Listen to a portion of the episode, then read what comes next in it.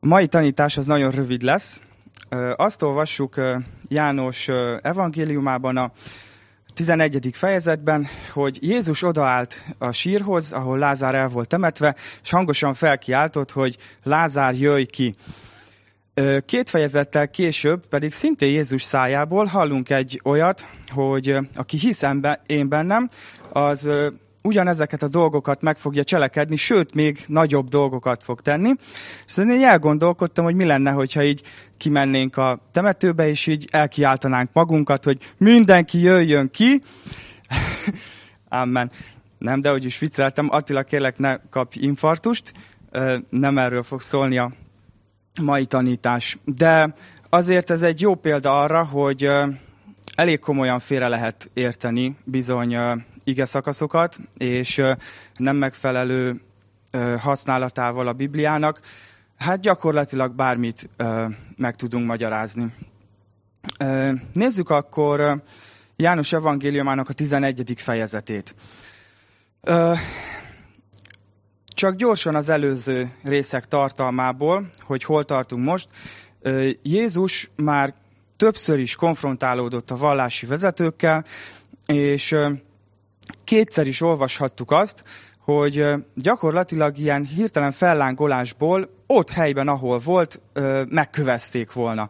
Olyat mondott, olyan, olyan mondatokat mondott ki a száján, amik annyira felhúzták a vallási vezetőket, hogy ott helyben készek lettek volna megölni őt.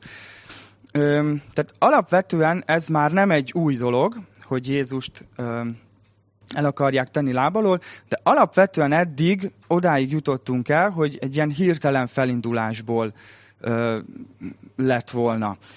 A mai történetnek a végén látni fogjuk, hogy ez egy kicsit most tovább fog fokozódni. Egyelőre nem lőném le a poént, de, de ez a folyamat is tovább fog, tovább fog feszülni Jézus és a vallási vezetők között.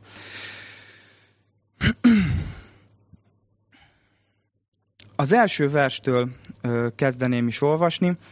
Volt pedig egy beteg ember, Lázár, Betániából, Máriának és testvérének Mártának a falujából. Mária volt az, aki megkente az urat kenettel, és megtörölte a lábát a hajával, az ő testvére Lázár volt a beteg. A nővérei megüzenték Jézusnak, Uram, íme, akit szeretsz, beteg.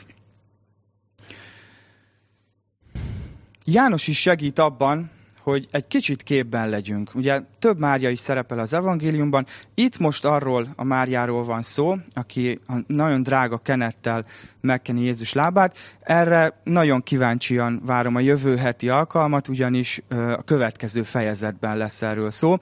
Van pedig még egy nagyon híres történet, ami erről a testvérpárról szól, Mária és Márta története, ez a Lukács evangéliumában van leírva. Amikor Jézus betér hozzájuk, Márta lefoglalja magát mindenféle szolgálattal, teendővel, vendéglátás körüli dolgokkal, Mária pedig azt látjuk, hogy kivonja magát a forgalomból, és gyakorlatilag leül Jézus lába elé, és, és ott issza az ő szavait. És olyan érdekes ott azt olvasni, amikor Márta megkéri Jézust, hogy fedje meg a testvérét, akkor Jézus ahelyett, hogy ezt megtenné, azt mondja, hogy ő, tehát Mária választotta a jobbik részt. Ö, érdekes ezen elgondolkodni, de, de ma is fogjuk Máriát látni Jézus lábainál. Ö, a nővérei megüzenték Jézusnak, Uram, íme, akit szeretsz, beteg. Ebből kettő dolgot szeretném, hogyha megfigyelnénk. Először is azt, hogy mit üzentek ezek a testvérek. Nem üzenték azt, hogy jöjjön és gyógyítsa meg, nem akarták megmondani, megmondani neki, hogy mit tegyen. Olyan kapcsolatban voltak Jézussal, hogy egyszerűen tudták azt, és hittek abban, hogyha megüzenik Jézusnak, hogy mi a helyzet Lázárral, ez önmagában elég, és Jézus maga tudni fogja, hogy mit kell tennie. Lehet ez példa számunkra, amikor közben járó módon imádkozunk emberekért. Lehetséges, hogy nem kell csűrni, csavarni a dolgokat, nem kell hosszasan, ismételgetve ö, ugyanazokat a mondatokat elmondani, amikor imádkozunk valakiért, hanem hogyha vagyunk ugyanolyan jó és őszinte mély kapcsolatban Jézussal, mint ahogy ez a testvérpár lehetett, akkor meggyőződésem, hogy bőven elég egyszerűen csak odahozni Jézus elé. Kicsit hasonló ez ahhoz, amikor négy jó barát csak leeresztette a, a béna embert a tetőn keresztül. Egyszerűen csak oda vitték Jézus elé, és ő tudta, hogy, hogy mit kell tennie. A másik pedig, Uram, íme, akit szeretsz, beteg. Tehát Jézus szerette Lázárt. Igen, valószínűleg Lázár hit ö, Jézusban, Sőt, mi több, valószínűsíthetjük, hogy tanítványa is volt, abszolút mértékben hitte, hogy ő a messiás, látta a csodáit, látta a jeleket, amiket Jézus tett, és mégis azt olvassuk, hogy beteg.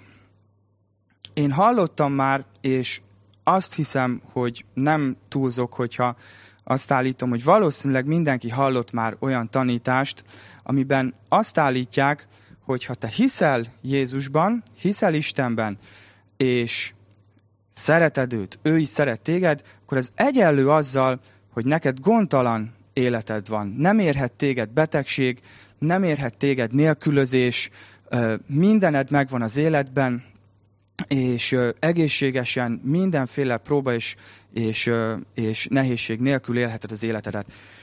Nos, ennek az a veszélye, hogyha valaki csak ezért hisz Jézusban, hogy ez meglegyen neki, mi a helyzet akkor, amikor mégiscsak egy betegségbe kerül? Mi a helyzet akkor, amikor mégiscsak nélkülözésre, meg, megpróbáltatásra ö, kényszerül?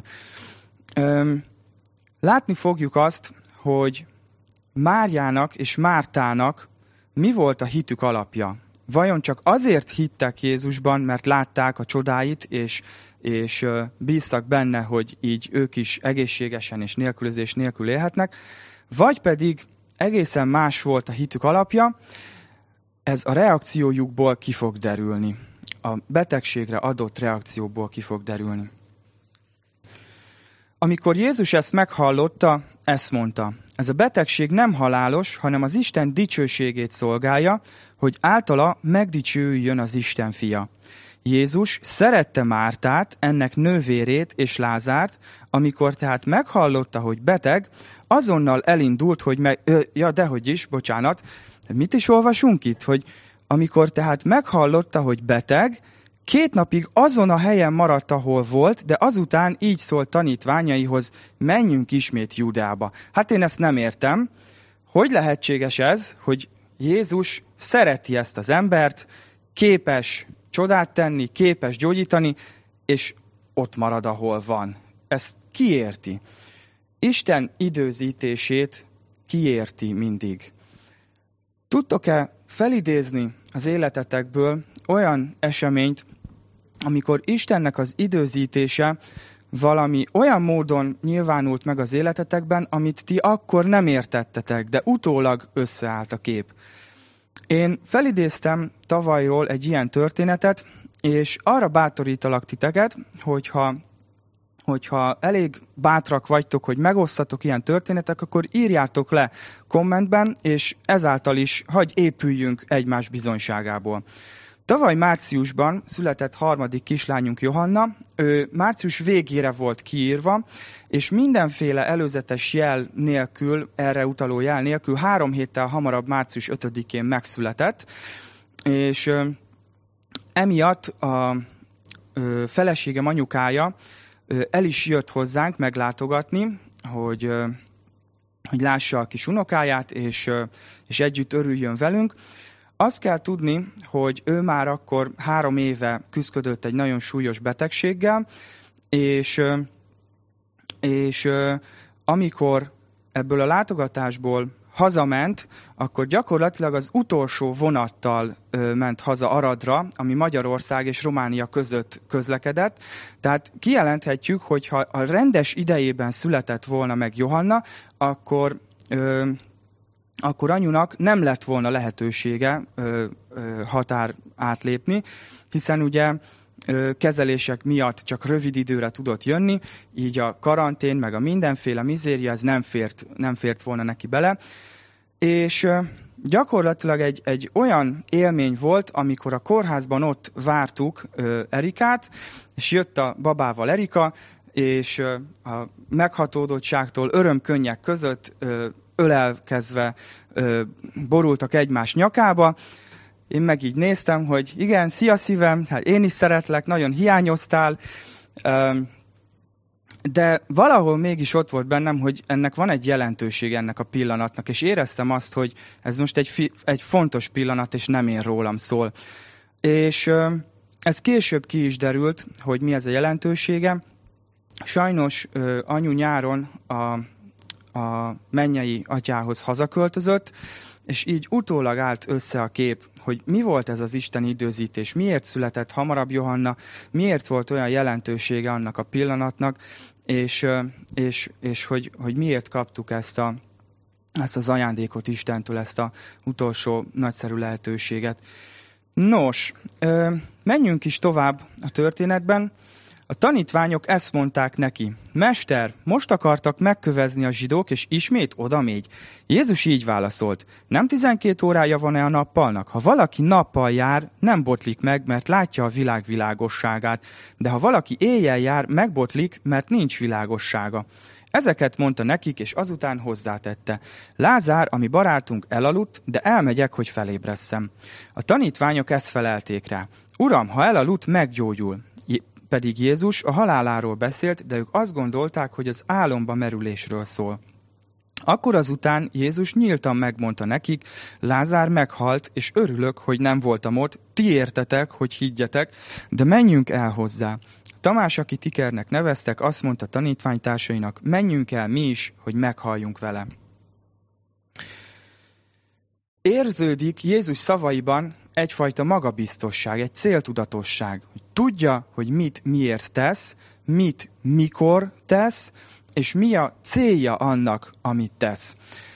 Gyakorlatilag elmondhatom, hogy egy nagyon nehéz döntés, amit meg kell hoznia, és mégis habozás és gondolkodás nélkül meg tudja hozni ezt a döntést. Egy olyan helyre kell mennie, ahol már kétszer majdnem megölték, és nagy a valószínűsége annak, hogy ha újra ott megfordul, akkor ez újra előfordulhat, hogy, hogy őt megpróbálják megölni.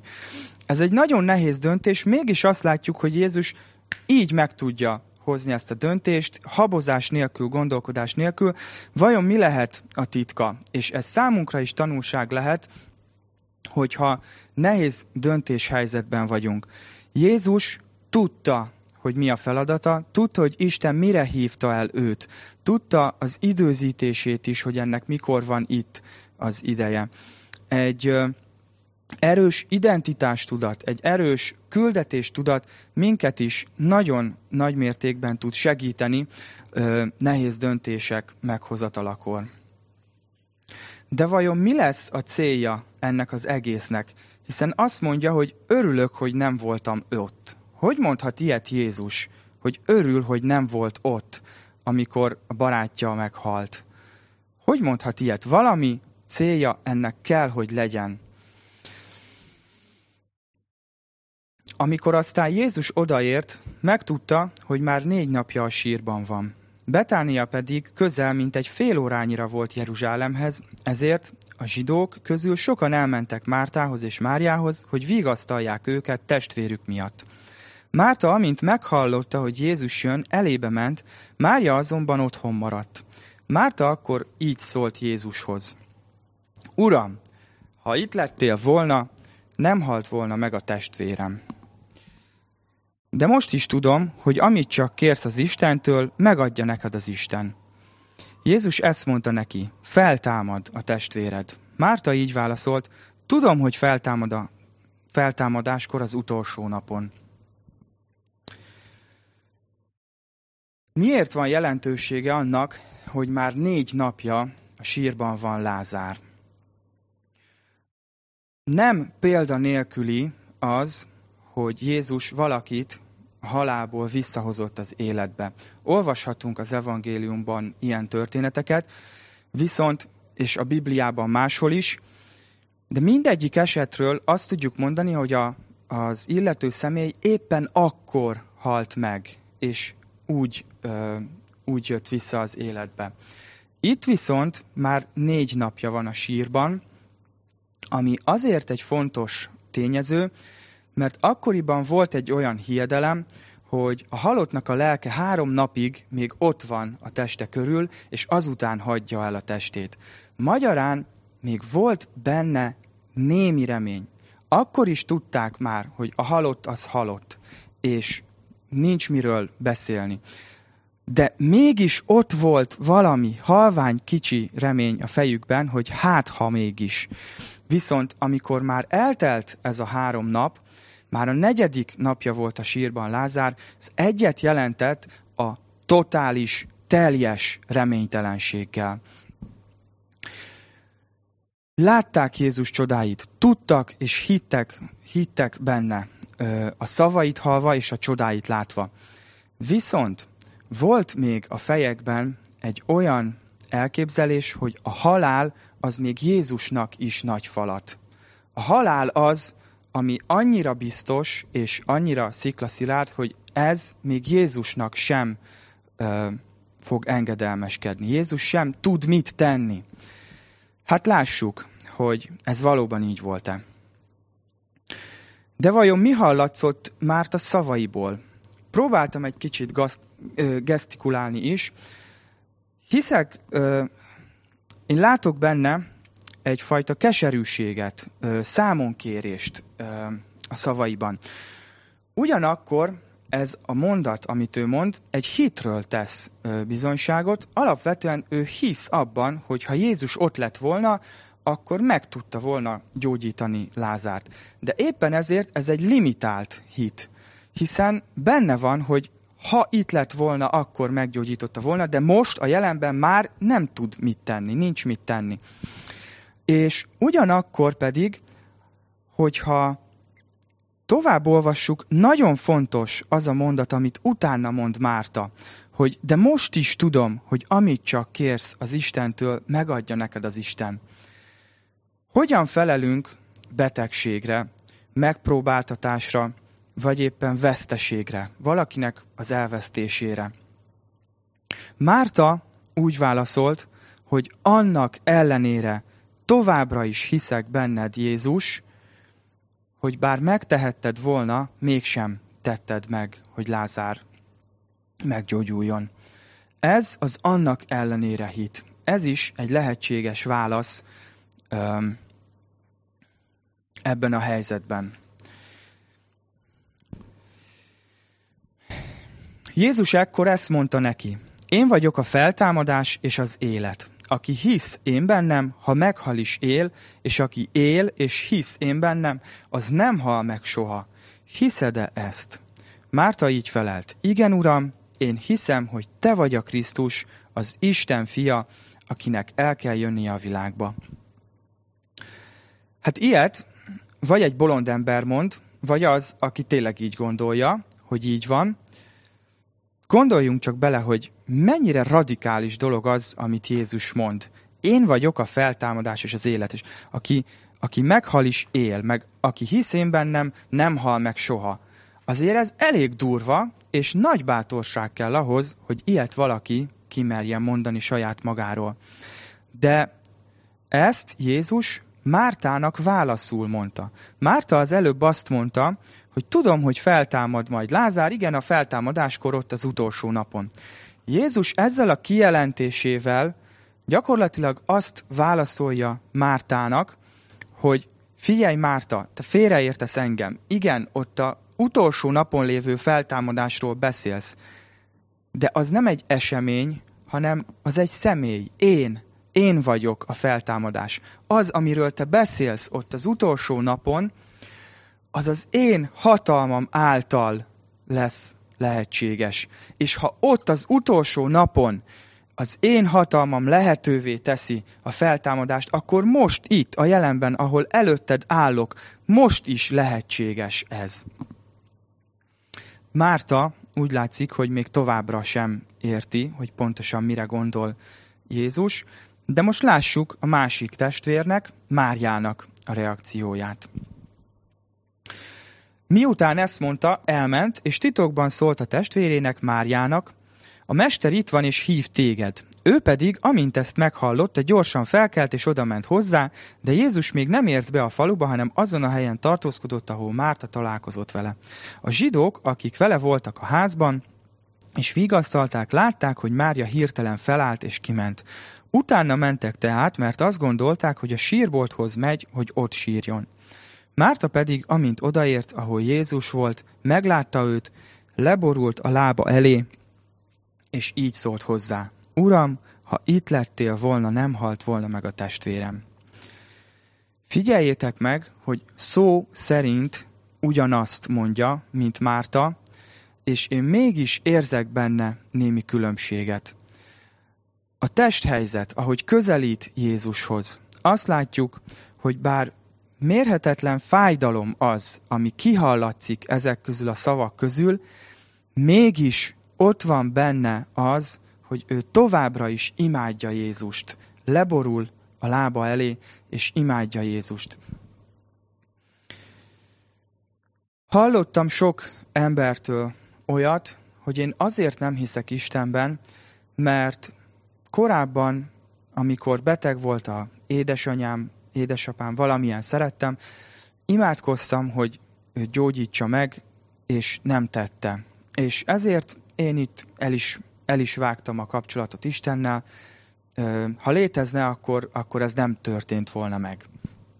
Olyat is hallottam már, hogy valaki hasonló okra hivatkozva azt mondja, hogy igen, lehet, hogy, lehet, hogy létezik Isten, és, és talán ezt nem is vonom kétségbe, hogy létezik Isten, de az biztos, hogy velünk nem foglalkozik, nem törődik velünk, nem, nem érdekli őt a mi ügyes, bajos ö, dolgaink.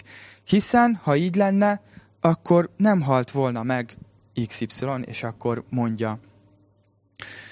Ö, sajnos, sajnos előfordul ilyen, hogy valaki azért hisz ö, Jézusban, mert azt gondolja, hogy akkor gondtalan élete lesz, és nem lesz veszteség, nem lesz megpróbáltatás.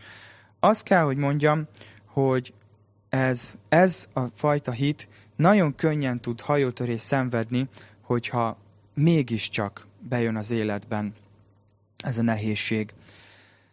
És látjuk azt is, hogy Mária és Márta nem így reagáltak. Mártának annak ellenére hite volt, annak ellenére hit Jézusban, hogy bár meg tudta volna Jézus tenni a csodát, mégsem tette. Mária pedig annak ellenére imádta Jézust, hogy meghalt az ő testvére.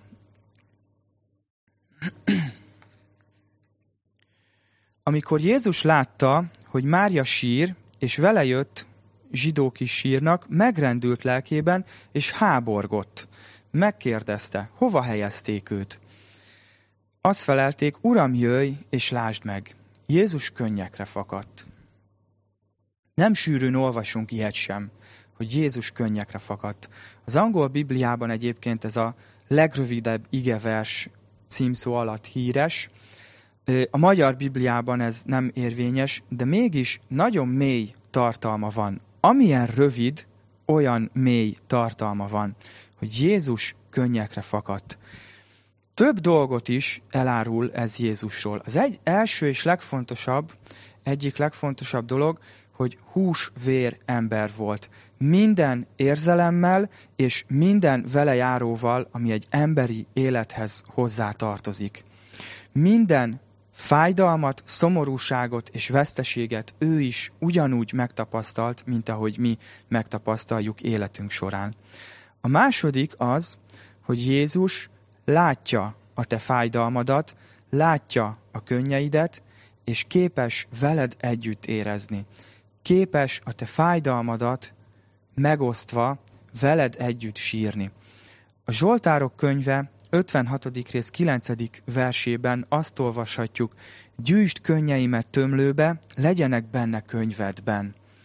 Legyenek számon tartva. Isten számon tartja a te könnyeidet, tud a szomorúságodról, és együtt sír veled. De vajon miért háborgott? Mert ezt is olvassuk, ezt a szót is olvassuk itt, hogy Jézus háborgott. Nekem meggyőződésem, hogy Jézus itt tűrtőztette magát. Valamiért mérges volt, és ez a szó, hogy háborgott a görögben, azt olvastam, hogy egy olyan, olyan típusú mérgelődés, mérgelődés jelent, amikor az ember így csinál, hogy hm, ez nem igaz, hm, ez, ez, ez a ilyen hangot is ad ki az ember, mikor mérgelődik. Valami ilyesmi volt Jézus esetében is, és meggyőződésem, hogy ő tűrtőztette magát, mert látta, hogy hol van egy temetésnek a, a, a kellős közepén, és megkockáztatom, hogyha nem ebben a helyzetben lett volna, akkor lehet, hogy egy ostorral a kezében csapkodva, mint ahogy láttuk egy másik jelenetben, vezet, fejezte volna ki azt a, azt a háborodottságot, ami benne volt. De vajon mi volt ez a felháborodás? Biztos vagyok benne, hogy nem csak egy barátnak az elvesztéséről van itt szó, hiszen ő nagyon jól tudta a kimenetelét. Gondoljunk bele abba, hogy milyen egy szülőt elveszíteni. Fájdalmas és rossz dolog, de ugyanakkor az életben tudsz még örömöt találni ezután is. De milyen lehet valakinek a gyermekét elveszteni? És senkinek nem kívánom, és nem is tudom elképzelni, hogy ez micsoda mérhetetlen fájdalom lehet, de gondoljunk bele Isten helyzetébe, aki nap mint nap éli át azt, hogy elveszíti az ő gyermekeit a bűn miatt. Jézusban ez okozhatott ekkora felháborodást. Látta, hogy körülötte milyen szomorúságon mennek keresztül az emberek a halál miatt, hogy mekkora, mekkora ö, nehézséget és fájdalmat jelent ez nekik. És tudta, hogy ennek nem kéne így lennie. Tudta azt, hogy ez nem volt benne az ő tervében. Tudta azt, hogy ő ezt nem így tervezte, nem így, nem így alkotta meg a földet és az embert, hogy ez legyen belőle. És én azt mondom, hogy ez a, halálra való felháborodás lehetett ott Jézus szívében, amikor azt olvassuk, hogy háborgott. Valamit most tennem kell. Ezek az emberek még mindig azt gondolják, hogy a halál az nekem is túl nagy falat. Tegyük rendre egy kicsit a dolgokat. A zsidók ezt mondták, íme mennyire szerette, közülük néhányan pedig így szóltak. Ő, aki a vak szemét megnyitotta, nem tudta volna megtenni, hogy ez ne halljon meg. Jézus még mindig mélyen megindulva a sírhoz ment egy a sírhoz ment, ez egy barlang volt, és kő feküdt rajta. Jézus így szólt, vegyétek el a követ. Márta az elhuny testvére így szólt hozzá, Uram, már szaga van, hiszen negyednapos. Látjuk, hogy még mindig nem érti. Elvették tehát a követ, Jézus pedig felemelte a tekintetét, és ezt mondta. Atyám, hálát adok neked, hogy meghallgattál. Én tudom, hogy mindig meghallgatsz, csak a körülálló sokaság miatt mondom, hogy elhiggyék, hogy te küldtél engem. Miután ezt mondta, hangosan kiáltott. Lázár, jöjj ki! És kijött a halott, lábán és kezén pólyákkal körülkötve, arcát kendő takarta, Jézus szólt nekik. Oldjátok fel, és hagyjátok elmenni. Azt a... Elképzelem a szituációt, hogy Lázár fönt van a mennyben, és hogy körülnéz, megérkezett. Ó, Istenem, ez igen, micsoda remek hely. Isten szól neki, hát igen, igen, tudod, Lázár, a, a fiam odalent épp most készül imádkozni, érted? Ne! Hát igen. Tehát um, nem tudhatjuk, hogy ezt valóban átélte el Lázár, de minden esetre azt azért fontos, fontos megjegyezni, hogy Lázár, amikor feltámadt, akkor ugyanabba a testbe támadt föl, és ugyanabba az életbe hozta vissza Jézus. Um, ez is ott lehetett Jézus könnyei között, hogy tudta, hogy feltámasztja Lázárt, de azt is tudta, hogy újra meg, meg fog halni. És mindenki, aki ott körülötte áll, szintén meg fog majd halni. És emiatt igazán haragudott Jézus a halára, hogy ennek része kell lennie az életnek. Jézus kinyilvánította, hogy ő számára a halál sem legyőzhetetlen ellenség. Később az ő feltámadása is azt jelenti, hogy legyőzte a halált, ezt a saját feltámadását készítette elő akkor, amikor Lázárt ö, visszahozta az életbe.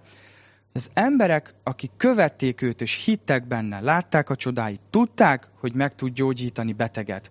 Tudták azt, hogy, hogy, hogy képes a születésétől fogva vakember látását megadni. De még azt gondolták, hogy a halál még Jézusnak is nagy falat. Íme Jézus megmutatta, hogy nem, ez nem így van.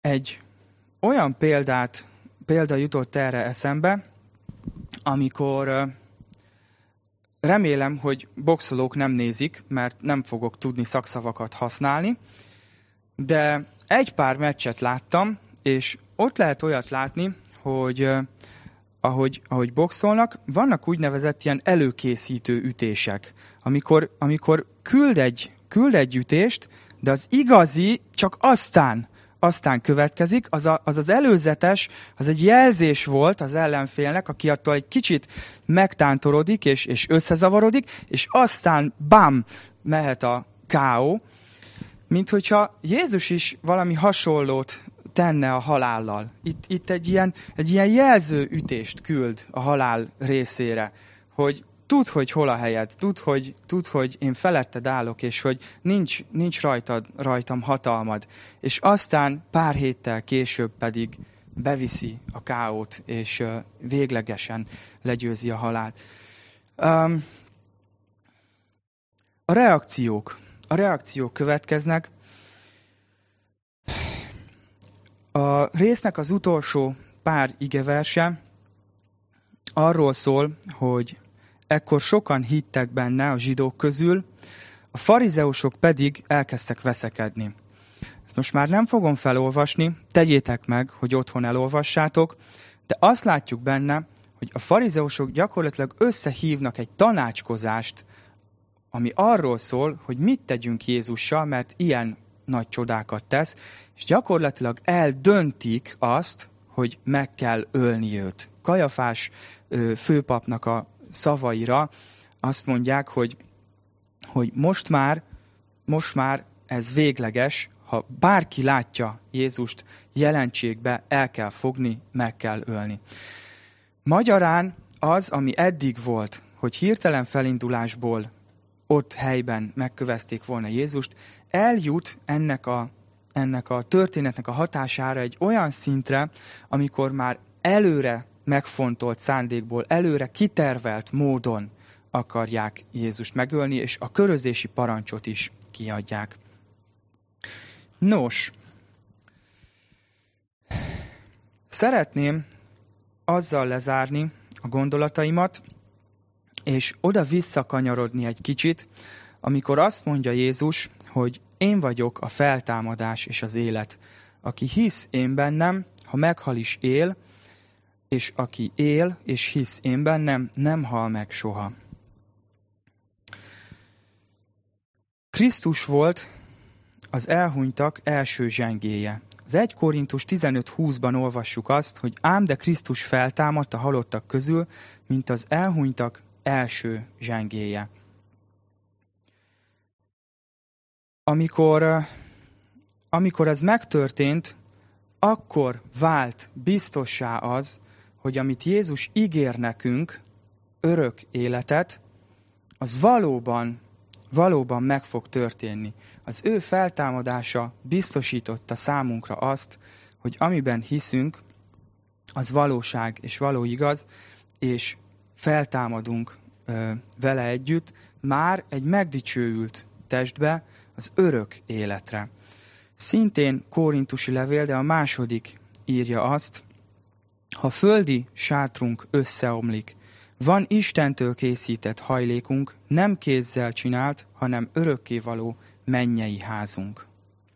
Pár versel később, de bizakodunk, és inkább szeretnénk kiköltözni a testből, hazaköltözni az Úrhoz. Hogyha valaha azt halljátok, hogy nem tudom, hogy lesz bármilyen híradás róla, de ha lenne, és azt halljátok, hogy Nemeshegyi Sámuel meghalt, akkor ne higgyétek el.